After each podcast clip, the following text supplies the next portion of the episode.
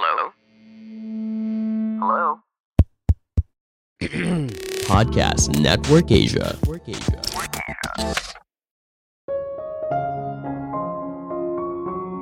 Banyak orang bilang kalau budaya perusahaan itu penting, tapi apakah kamu tahu apa artinya? Halo semuanya, nama saya Michael. Selamat datang di podcast saya, Sikutu Buku. Kali ini saya akan bahas buku What You Do Is Who You Are karya Ben Horowitz. Sebelum kita mulai, buat kalian yang mau support podcast ini agar terus berkarya, caranya gampang banget. Kalian cukup klik follow. Dukungan kalian membantu banget supaya kita bisa rutin posting dan bersama-sama belajar di podcast ini. Buku ini membahas bagaimana menciptakan sebuah budaya perusahaan yang efektif. Jika kamu pernah bekerja di sebuah perusahaan atau punya perusahaan sendiri, budaya perusahaan merupakan sesuatu yang penting. Menariknya, jika kamu bertanya ke 10 orang yang berbeda soal apa itu budaya perusahaan, kamu mungkin saja mendapat berbagai jawaban yang berbeda. Nah, apa sih sebenarnya budaya perusahaan?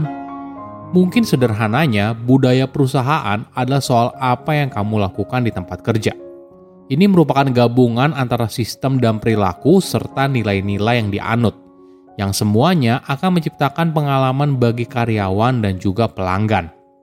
Saya merangkumnya menjadi tiga hal penting dari buku ini. Pertama, apakah budaya perusahaan itu penting?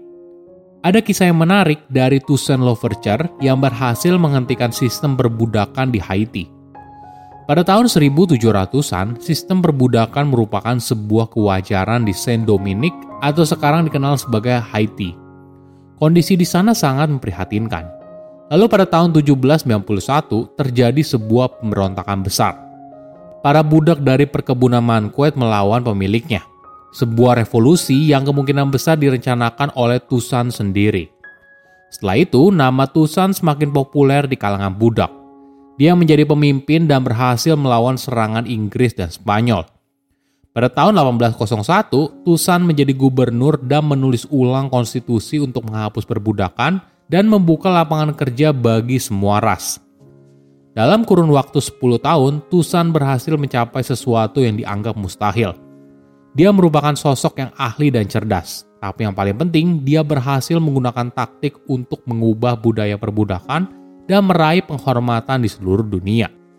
Jadi, apa yang Tusan lakukan?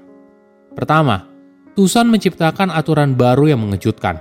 Dia tahu bahwa dia perlu memberikan janji yang bisa dipercaya untuk membangun hubungan jangka panjang.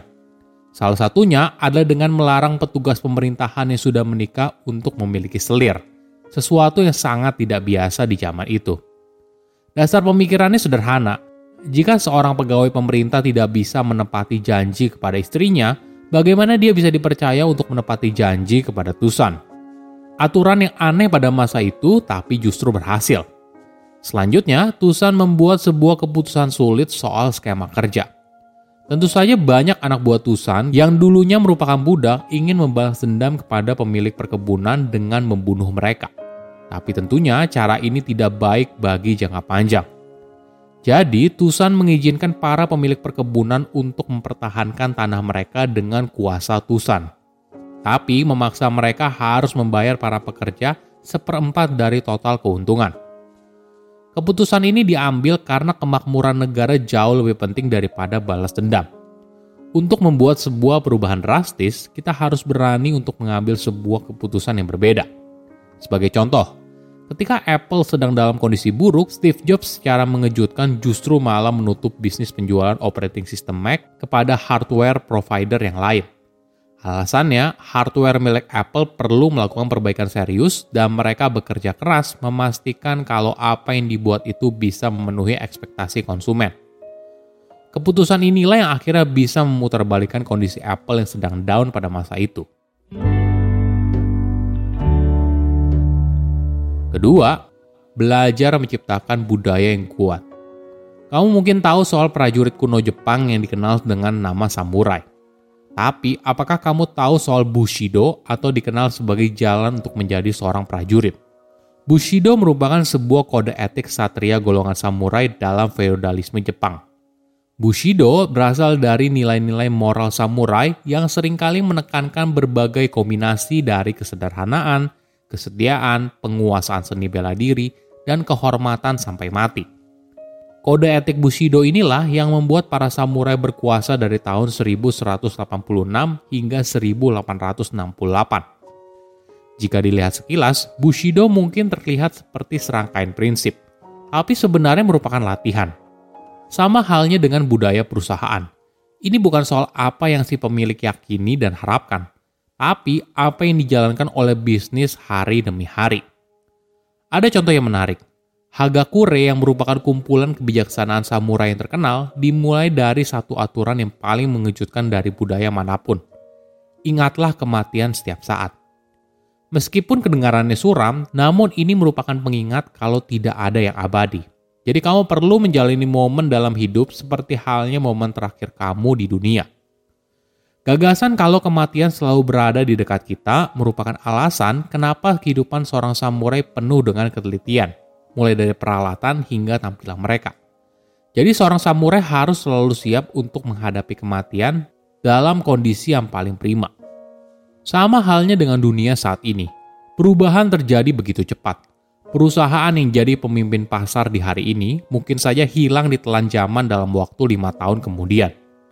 Jadi kamu harus selalu ingat, apa alasan dibalik apa yang kamu lakukan sekarang.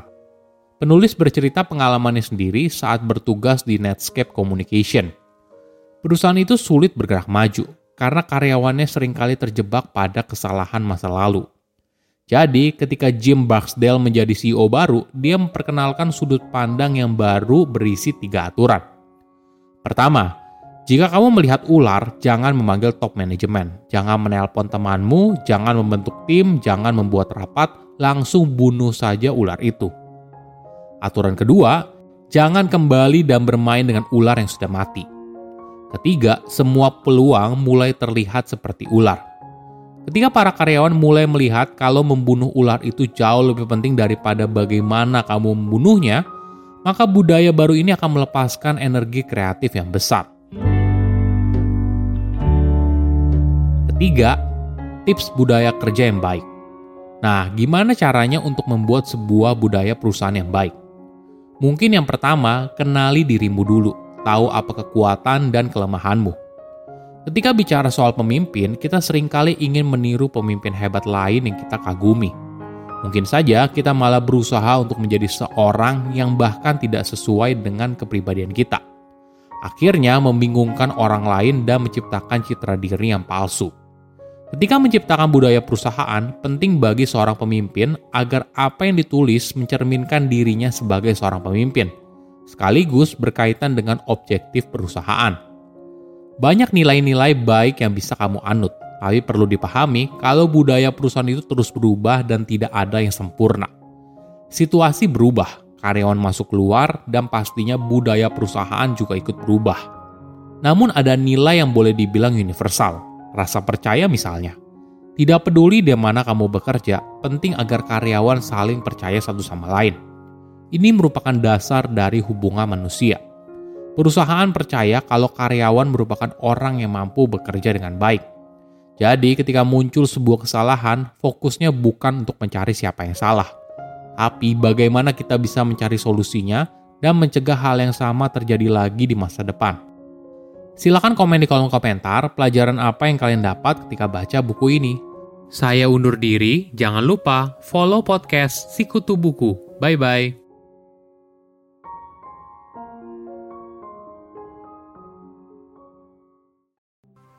Pandangan dan opini yang disampaikan oleh kreator podcast, host, dan tamu tidak mencerminkan kebijakan resmi dan bagian dari podcast Network Asia.